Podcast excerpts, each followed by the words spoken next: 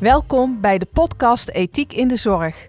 Ik ben José Krijnen, geestelijk verzorger van het Elisabeth Twee Steden Ziekenhuis en secretaris van de Commissie Ethiek. We gaan graag met u in gesprek over ethische kwesties.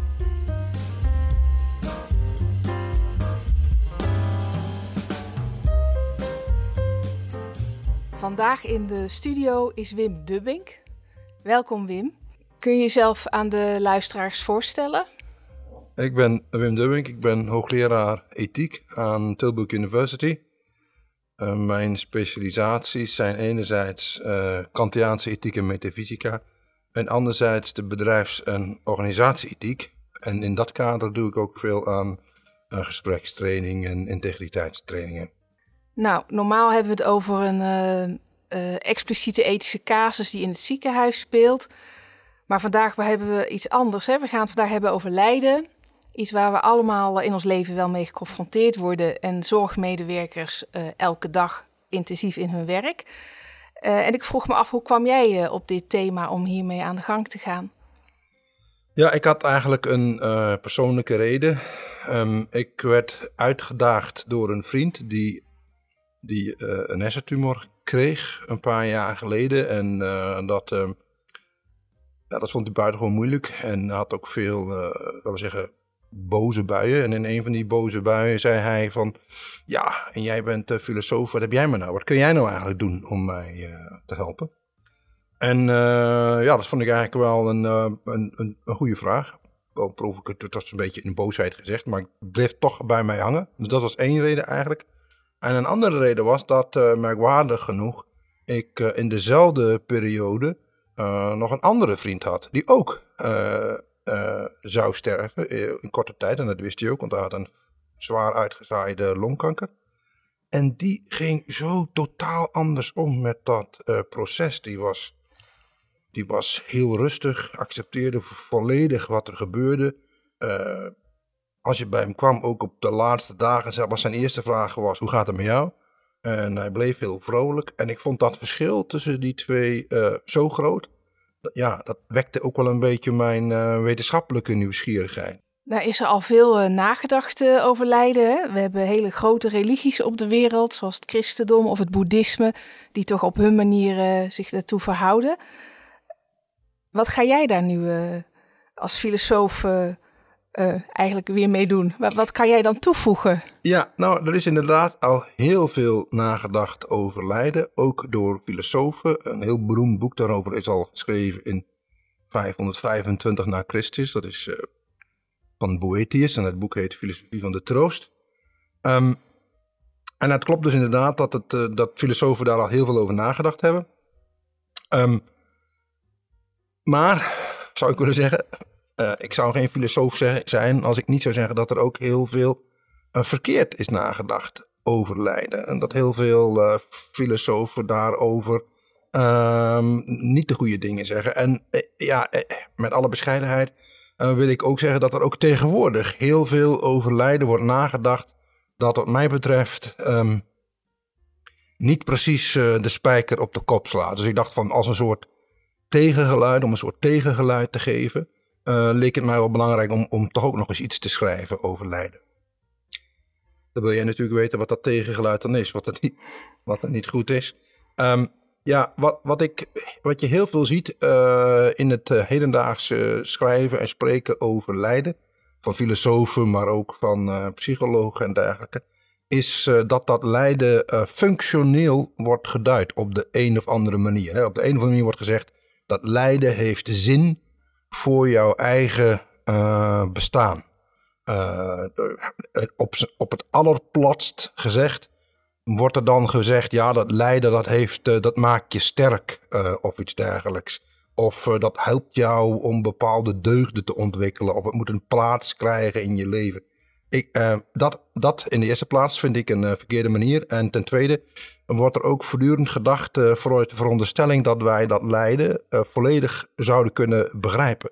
En dat mensen stellen zich de vraag waarom lijd ik? En dan gaat een filosoof zeggen, of een psycholoog, waarom dat is. Alsof dat iets is wat wij volledig kunnen begrijpen. Die beide gedachten vind ik, niet alleen ik, maar ik sluit dan aan bij een traditie die zegt dat is eigenlijk niet de juiste manier om over lijden na te denken. De, de, een van de dingen die je moet accepteren van lijden is dat het niet volledig te begrijpen is. Wij mensen kunnen niet begrijpen waarom lijden eigenlijk bestaat. Dat in de eerste plaats. En ik, een, van de, een van de redenen waarom ik me, een mijn meest persoonlijke reden waarom ik me ook heel erger aan die manier waarop er tegenwoordig vaak over lijden wordt gesproken, is dat het lijden wordt eigenlijk niet serieus genomen, hè, want het heeft toch een functie. En, en daardoor wordt ook mensen die lijden eigenlijk niet volledig serieus genomen. De mens die lijdt wordt belachelijk gemaakt door te zeggen dat dat ook nog een functie zou hebben. Ik, een, uh, ik heb een uh, vriendin die uit een familie komt, die, uh, die vroeger heel wat te verstouwen kreeg qua lijden. En, en ik, ik was een keer bij haar, of we liepen samen, en zij zei, het ergste vond ik altijd vroeger als mensen dan tegen ons zeggen, tegen ons zeiden, ja, lijden, hè, wat jullie overkomt, daar word je sterk van. Dat, dat, dat, dat drukt voor mij alles uit wat de fout is aan hoe er heel veel tegenwoordig wordt gedacht over lijden. Ja, je komt eigenlijk op voor de lijdende. Ja, ja, ja, ja, ja en het, ja. om het in al, zijn, in al zijn afschuwelijkheid serieus te nemen. Ja, oké. Okay. Dus ik, ik, ik sluit dan meer aan bij, bij mensen die zeggen, lijden is gewoon kwaad zonder meer. En dat kunnen wij eigenlijk helaas niet begrijpen. En een lijden is eigenlijk zo'n totale aanval op, je, op een mens. Die maakt een mens zo totaal onmachtig dat, dat daardoor ook de, de ervaring dat je een betekenisvol wezen bent, als het ware um, onmogelijk wordt gemaakt. En dat is er ook eigenlijk mis met zo'n functionele duiding. Want je kan wel zeggen, lijden heeft een functie in je leven, maar als jij door je lijden niet meer begrijpt waarom jouw leven überhaupt zin heeft, dan heeft dat functionele antwoord ook eigenlijk geen zin. Want je, je maakt iets zinvol in een context die als zodanig absurd is. Mm -hmm. Zijn er voor jou uh, soorten lijden, zeg maar? Want je hebt het nu over uh, het totale machteloosheid, uh, dat je zelf geen betekenis meer hebt. nou, dat is, klinkt heftig, zeg maar. Ja. Dus ik denk, ja, oké, okay, dan heb je het echt over lijden met de hoofdletter. Ja, ja een, Meestal, uh, of althans, ja, veel filosofen maken eigenlijk een onderscheid tussen drie. Uh, die, dat heeft niet alleen een onderscheid in drie soorten lijden, maar dat is ook eigenlijk een, drie manieren om naar de mens te kijken. En de ene zeg maar, dimensie van het mens zijn is puur het lichaam. En zo opgevat is, lichaam, is lijden gewoon pijn. Hè? Mensen kunnen ook gezien worden als een psychologisch wezen. En op die manier is lijden ja, psychisch lijden. Dus uh, ja, alles wat rondom, zeg maar, uh, als het heel ernstig wordt, uh, rondom depressies kan spelen. En ehm, de derde dimensie die dan natuurlijk vooral filosofen het mens zijn onderscheiden, is de geestelijke dimensie. Dus de mogelijkheid die mensen hebben om over de dingen na te denken. En puur nadenkend in het leven te staan. En als zodanig is lijden kun je lijden zien als um, het nadenken over dat je lijdt. Dat je een wezen bent dat lijdt. Hè? En, en zo noemen filosofen lijden ook wel vaak uh, lijden aan lijden. Dus ja, je hebt lichamelijk lijden, je hebt psychisch lijden en je hebt het lijden aan lijden. En dan binnen dat lijden aan lijden is het nog wel relevant om een onderscheid te maken van hoe jij eigenlijk jouw lijden percipieert. Hè? Dus uh, als iets wat ja, heel erg neerdrukt, maar ook als natuurlijk of onoverkomelijk wordt uh, gezien. Het was iemand van, ja, ik zeg maar wat, iemand van 90 of zo, die, die aan allerlei ouderdomskwalen leidt. Of uh, iemand van uh, eh, 15 die aan een dodelijke ziekte leidt. Of iemand die wordt aangereden door een auto en daardoor gaat lijden. En die laatste twee gevallen um, is dat, krijgt, wordt dat lijden echt extra moeilijk, omdat je heel sterk het idee hebt dat er onrecht wordt gedaan. Ja, en dat is eigenlijk de moeilijkste vorm van lijden. Het lijden aan lijden waarbij je het idee hebt, dit is onrechtvaardig, dit is, uh, dit, dit is op geen enkele manier te begrijpen of te legitimeren of wat ook.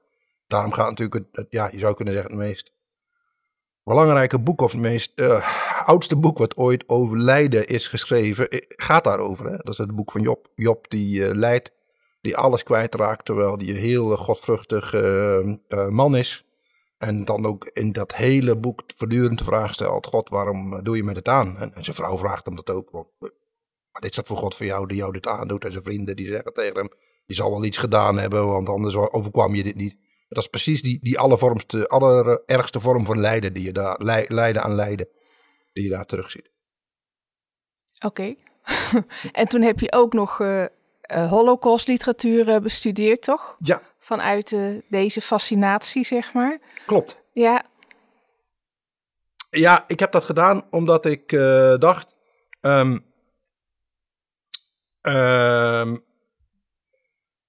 ja, ik wilde dat is een beetje, misschien een beetje gek om te zeggen, maar uh, ik dacht bij mezelf, welke, op welke ervaringsdeskundige zou ik hier een, een beroep kunnen doen? En uh, ja, dan uh, springt natuurlijk de holocaust, of eigenlijk de kampliteratuur, daar, de concentratiekampliteratuur daar wel naar boven, omdat ja, die mensen precies die allerergste vorm van lijden hebben, hebben, hebben meegemaakt. Um, Um, en, en, en er ook best een aantal mensen zijn geweest die dat hebben overleefd en die daarover uh, buitengewoon indringende boeken hebben geschreven, zoals Primo Levi hè, en um, Frankel en Amari. Nou ja, zo is, er, een heel rijtje, kan even niet op de naam komen van de uh, Herzog. Dat is ook een Nederlander. ja. Um, ja, dus, dus ik dacht, ik wil ook weten wat deze mensen overlijden hebben geschreven. En hoe, hoe zij op een bepaalde manier hebben gekeken hoe, of het lijden voor hun nog dragelijk was. Ja. En wat zijn jouw, uh, um, zeg maar, wat zijn je bevindingen aan de hand daarvan? Ja, dat je in die boeken, die zijn eigenlijk heel uh, verschillend. En je ziet daarin dat er eigenlijk ja, twee manieren zijn waarop er wordt omgegaan met, met lijden.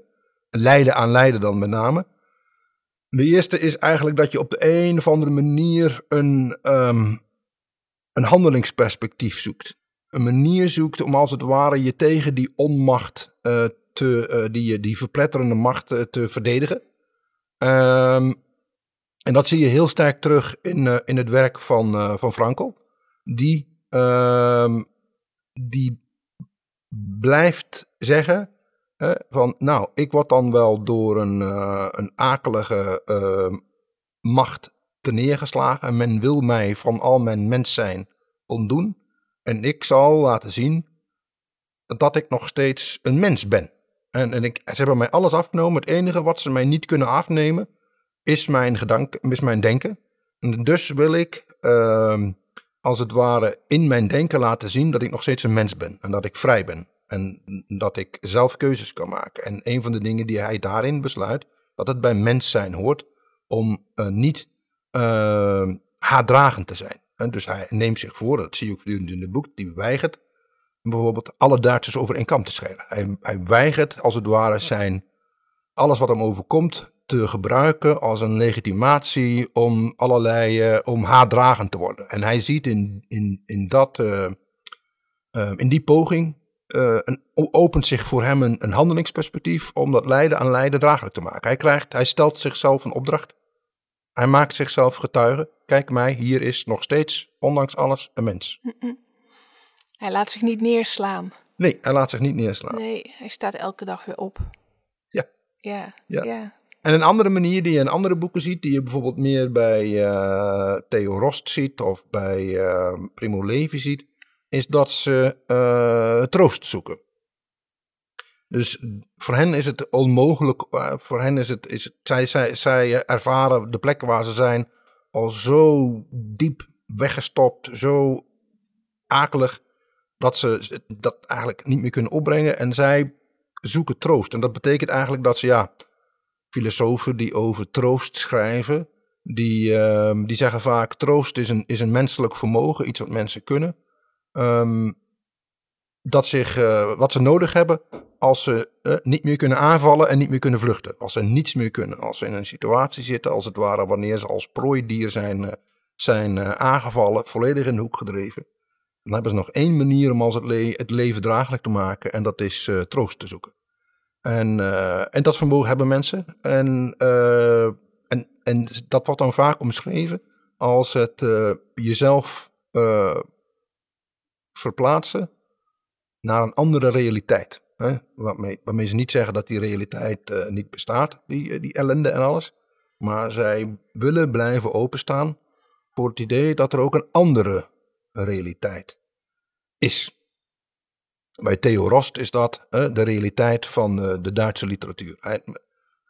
Hij, wil ook als het ware de situatie waarin hij is en het Duitsland waar hij mee te maken heeft niet reduceren tot, tot al die SS-ellende. Hij zegt nee, er is ook de Duitse literatuur. En hij stort zich dus volledig op het bestuderen van Duitse literatuur in Dachau. Hè, waar hij best heel lang heeft gezeten. En dat is een hele merkwaardige omstandigheid. Dachau had, blijkbaar, dus Dachau is, is niet een vernichtingslager, maar een concentratiekamp. Dat had een uitgebreide bibliotheek. Dat, daar begint hij zijn boek ook mee. Het zal iedereen verbazen dat Dachau zo'n uitgebreide bibliotheek heeft. En, hij had die, en dus hij greep die mogelijkheid, hij had vast de mogelijkheid om andere mensen te vragen. Hij had daar zelf geen toegang toe. Maar de mogelijkheid om andere mensen te vragen om boeken voor hem mee te nemen. En hij, hij heeft dus een dagboek bijgehouden. En hij was een voortdurende zoektocht naar papiertjes de hele. Om te kunnen schrijven en om als het ware die realiteit, die andere realiteit ook levend te houden. Nou, ik zie dat als een manier van Theo, uh, Theo Rost om, uh, om uh, troost te zoeken. En, en Primo Levi doet dat op zijn eigen manier. Die zoekt troost door als het ware zich volledig te concentreren op, op, op dat wat het volgende uur gaat gebeuren. Dus hij probeert eigenlijk die realiteit die grote realiteit te reduceren. Te zeggen, nou ja, over een uur krijg ik soep. Over, over, over drie uur heb ik weer een kwartier pauze. Ja, hoe die mensen dat volhouden, dat, dat vraag je af, maar ze hebben het gedaan. Ja, het soort stellen van kleine perspectieven. Hele over die hopeloos, uh, ja. ja. je weet niet wanneer het stopt. En, ja, nee, ja, nee, precies. Ja. ja. Mooi, mooi, ja.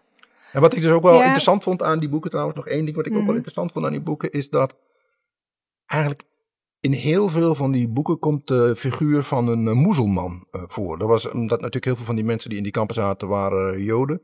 En uh, die hadden een soort ja, begrip wat al eerder bestond, moezelman. Ik denk dat het iets met moslim te maken dat in die zin een beetje een denigrerende term was, maar dat terzijde.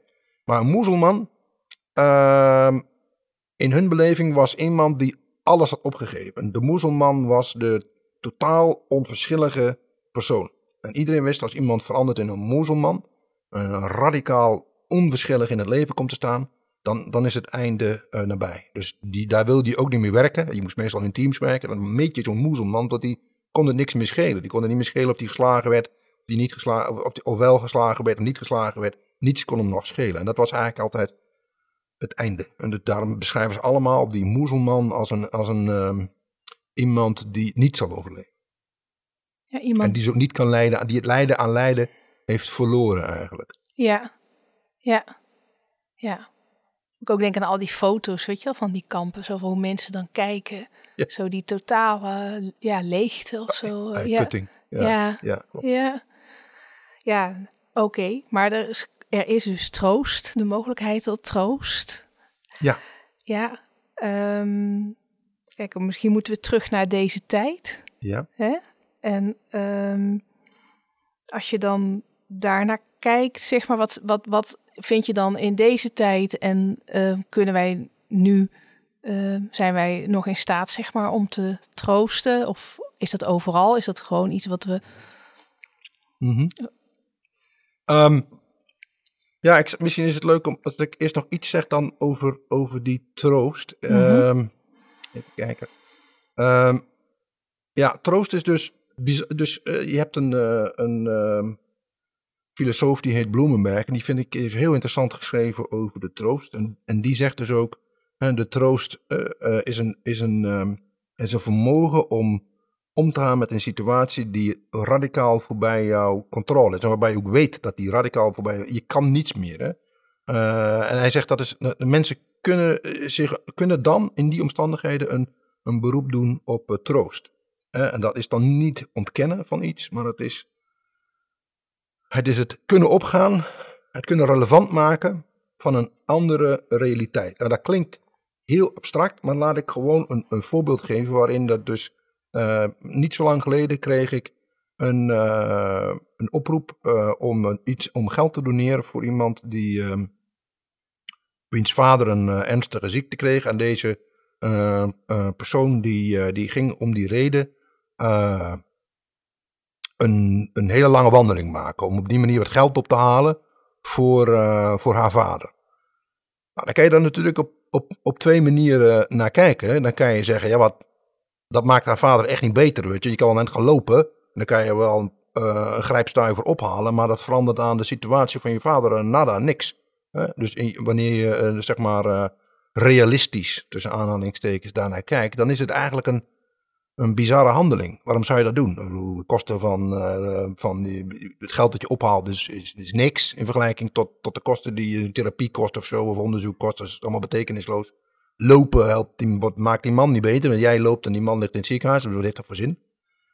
Dat is één manier om naar te kijken. Een andere manier om naar te kijken, van, dit is nou precies wat, wat troost is en doet. je maakt een andere realiteit relevant. Op deze manier geef je expressie aan wat je eigenlijk belangrijk vindt. En op deze manier, als het ware, zoek je toch een, op de een of andere manier een verbinding met, ja, met je vader en met het ziek zijn ook. En ook met wat het betekent om een mens te zijn. Um, een ander, ja, een ander voorbeeld wat ik ook zou kunnen geven in een, in een ziekenhuiscontext is vaak dat je, als, je, als het gaat om troost, is dat uh, nou ja, heel veel mensen die in een ziekenhuis uh, liggen, die krijgen uh, tekeningen. Bijvoorbeeld oudere mensen die in het ziekenhuis liggen, die krijgen een, een tekening van, uh, van hun kleinkinderen of zo. En dat vinden ze heel mooi en heel betekenisvol en die hangen ze boven hun bed. Ja, daar kan je weer op, op twee manieren naar, naar kijken. Je kan zeggen, ja, slecht getekend ook nog eens. Dat is helemaal niet geen mooie tekening. Waarom zou je hier boven je bed hangen? Geeft ook alleen maar last. Uh, maar uh, je kan ook denken, nee, dit, uh, dit geeft troost. Waarom? Omdat het op de een of andere manier een symbool is voor een ouder iemand die in een ziekenhuis ligt. Ehm, dat er een soort verbinding is. Dat er een soort continuïteit in het leven is. En zo'n tekening symboliseert eigenlijk voor zo'n oudere mens. Ah, ik, het is nu wel misschien mijn tijd om te gaan. Of, of hele moeilijke tijd. Ik ga een hele moeilijke tijd doen. Maar ik maak ook deel uit van een, van een groter geheel. En die kleinkinderen zijn voor mij een symbool van dat grotere geheel. En door die tekening op te hangen, raak ik als het ware aan een, aan een andere realiteit. Die andere realiteit maakt die ziekte niet ongedaan, maar geeft toch een, een perspectief, of een, ja, een perspectief dat, dat, dat het. Uh, uh, eigenlijk geeft het een perspectief dat laat zien dat jij ook betekenis had. En in die lange continue reeks van jijzelf naar jouw voorvaderen, naar, jou, naar, naar jouw kleinkinderen, ben jij, ook, ben jij er ook geweest. En dat laat het vaak dan zien. Hè? Dus wat is troost eigenlijk? Troost is eigenlijk laten zien, een uiting van, uh, uh, of dan hoe dat voor mensen werkt, is dat het een, een aanhaken is bij een groter perspectief, een andere realiteit waarin jij betekenis hebt. Nou, ik hoop dat ik het een beetje duidelijk kan, uh, kan uitleggen. Um, ik, ik, vind het erg helder. Ja, denk je ja. En wat heel veel filosofen nu zeggen, dat is misschien wel, want jij vroeg mij van, ja, kunnen we tegenwoordig nog, hoe kunnen we nou tegenwoordig, wat heel veel uh, hedendaagse filosofen, ook Bloemenberg, maar ook Ricoeur en andere filosofen uh, zeggen, is dat wij, uh, dat wij moderne mensen um, het moeilijker vinden om met lijden aan lijden om te gaan, omdat wij um, het steeds moeilijker vinden om. Wij vinden eigenlijk twee dingen steeds moeilijker. Ten eerste, we vinden het heel moeilijk om te accepteren dat er dingen zijn die wij niet kunnen begrijpen. Wij willen, een soort axioma, wij willen alles kunnen begrijpen. Dat wat wij niet kunnen begrijpen bestaat niet en heeft geen betekenis. Dat ten eerste. En ten tweede, wij vinden het heel moeilijk om, moeilijker, steeds moeilijker, om uh, te denken vanuit het idee dat, er, dat wij niet het centrum van de wereld zijn. Dat wij als subject, dat wij als individu niet het centrum van de wereld zijn. Dat er mogelijkerwijs, dat we mogelijkerwijs moeten accepteren dat er op de een of andere manier een realiteit is die voorbij ons eigen ik gaat. En die eigen realiteit, die, uh, die, die, daar, die, die staat niet tegenover ons. Maar daar kunnen wij deel van uitmaken. Maar die is wel groter dan ons. En zowel Ricoeur als uh, Bloemenberg, maar ook andere filosofen zeggen, het probleem van de moderne mens is eigenlijk uh, dat, hij dat, dat hij dat veel moeilijker vindt. En het probleem daarvan is dat nou precies zowel het openen van een handelingsperspectief, waar ik over sprak bij Frankel, als het vinden van troost, beide veronderstellen dat je jezelf onderdeel kan maken van iets groters. En als je dat niet meer kan, wordt het dus moeilijker en moeilijker om, om troost te vinden of ook om een handelingsperspectief te openen. Wie een tekening krijgt, als die, wie oud is en in een ziekenhuis ligt en een tekening krijgt, dan alleen maar kan denken, oh, slecht getekende tekening. Of niet begrijpt dat hij die tekening moet begrijpen als een symbool. Uh, voor een symbool, voor een realiteit die hem voorbij gaat, uh, die, die, die heeft, daar heeft veel minder aan die tekening, zou je kunnen -hmm. zeggen. Uh, ja, wanneer die je ziet het dan niet. Nee, dan ja, komt het niet ja, binnen of zo. Nee, nee, nee, nee, het gaat, ja. Dus je en, moet het ook kunnen ontvangen ergens. Je moet het kunnen, ja, precies. Je moet, het, je moet die symbolen kunnen ontvangen en ze en niet. En Bloemenberg vind ik wel mooi, die spreekt dan over het programma van realisme. Waarin hij bedoelt, wij leven heel erg in realisme. En daar hoort heel, heel sterk hoort daar ook bij, het programma van realisme. Wat daar heel sterk bij hoort, is dat wij uh, symbolen debunken. Hè? Dus uh, symbolen, alles wat wij als een symbolische werkelijkheid zien, die maken we heel snel belachelijk.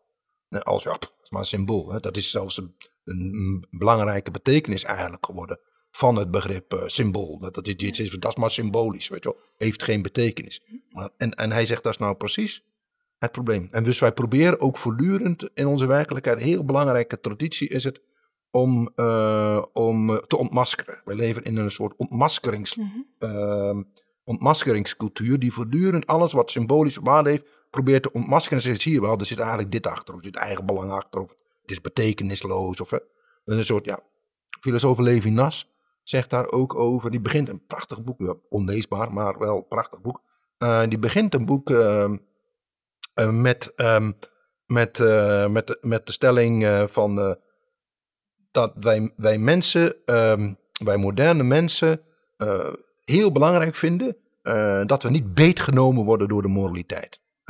Wij, wij, wij, wij aanvaarden als het ware de realiteit, en die noemt hij dan de oorlog. Wij zeggen wij leven heel graag in de oorlog. Wij, of wij, wij, vinden het noodzakelijk om in de oorlog te leven, dus in de, in de realiteit te leven, omdat we bang zijn om beetgenomen te worden door de moraliteit. En ook eigenlijk beetgenomen te worden door, door, uh, door wat voor symbool dan ook, of wat voor symbolische werkelijkheid ook. En, en filosofen als Bloemenberg en Ricoeur zeggen dan, ja, precies dat maakt het voor ons moeilijker om om te gaan met lijden. Uh, omdat dat nou juist veronderstelt dat je wel het idee hebt dat je op een bepaalde manier in een symbolische werkelijkheid kan leven.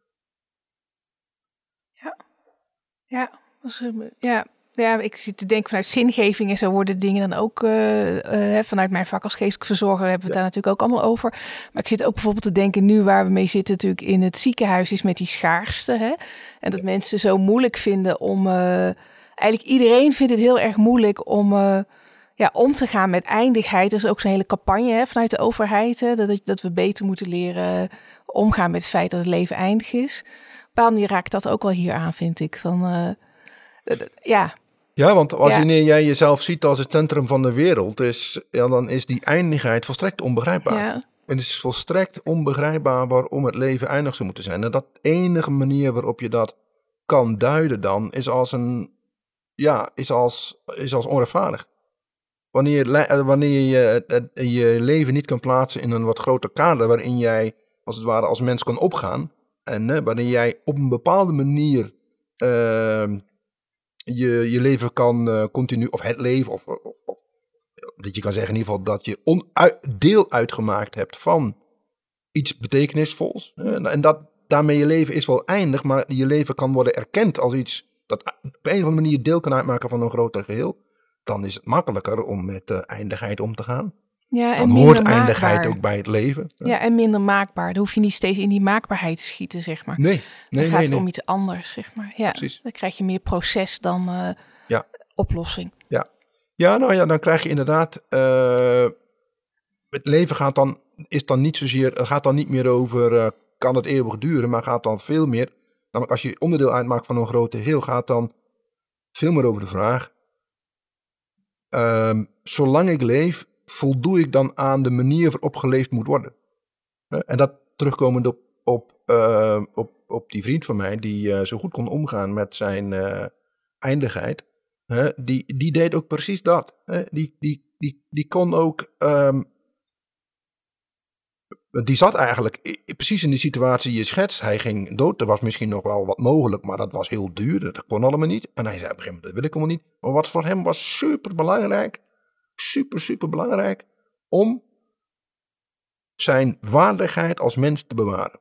Hij weigerde daarin ehm, ook maar iets toe te geven. Dus hij, het was echt een hele tragische geschiedenis, want dok, eerst de huisarts en daarna de specialist. Allemaal maakten ze fouten. De huisarts heeft een jaar gewacht tot hij de diagnose kon stellen. Terwijl hij al vier keer was. Maar kijk, ik heb hier toch echt wel wat. Nee, niks aan de hand. Specialist maakt nog weer een fout. En hij zegt, ik zei, hij zei, ik weiger om ook maar één van deze mensen iets te verwijten. Waarom? Omdat hij zegt, er worden gewoon fouten gemaakt. Dus ik maak ook als ik in het verkeer ben, maak ik fouten. Als ik, ik ben docent, ik kijk ook als een tentamen verkeerd. Nou, doktoren maken ook fouten. Dus waarom zou ik nu... Hè, dus hij vond het echt eh, een soort eh, test, zou je haast kunnen zeggen. Om zijn waardigheid te, te behouden als mens. Hm. En om eh, niet onnodig eh, haatdragend te worden of boos te worden. Of dat, ja, dat kon hij doen omdat hij dacht van nee, nee, maar het gaat er niet om dat ik eeuwig leef. Het gaat erom dat zolang ik leef, ik dat op de juiste manier doe. Mooi. Ik vond dat echt wel Ja. sterk. Ja, inspirerend ook, zo iemand dan. Ja, ja, ja, mooi. Ja, of ontroerend, zeg maar ook. Ja, ja. Oké, ik denk dat we bijna ehm, moeten gaan afronden. Ehm, we mogen dit allemaal gaan lezen, begreep ik, eh, binnenkort eh, in het eh, Filosofie Magazine. Ja, in het, ik moet dat even goed zeggen, want je hebt het Filosofie Magazine in Nederland. En daar heb ik een interview in gehad. En, en er is ook een filosofie tijdschrift. En daar komt het in. Dat is een België, dat is eigenlijk een soort Belgische variant. En daar komt het inderdaad een special over Leiden in te staan. En wanneer? Ik denk eh, eind van eh, 23. September of zo, oktober 23. Mm-mm. Ja. Oké, nou dan eh, daar kijken we naar uit. Hè? Ja. Dankjewel. Ja, hartelijk dank. Heb je alles gezegd wat je wilde zeggen? Ik denk het wel. Ik denk het wel. Ja, ja. Nou, het is bijna kerst. We hebben een mooi bezinnend eh, thema dit keer. Ja, dankjewel. En we gaan nog vaker van je horen, hè? Want je bent sinds kort ook eh, onze externe ethicus in het ziekenhuis bij de commissie ethiek. Klopt. Ja, Dus we Ja. zullen wel vaker eh, dingen van je gaan meemaken in het ziekenhuis. ik hoop het. Ja. ja, ja. Dag. Nee, geweldig. Dankjewel. Dag hè. Hoi.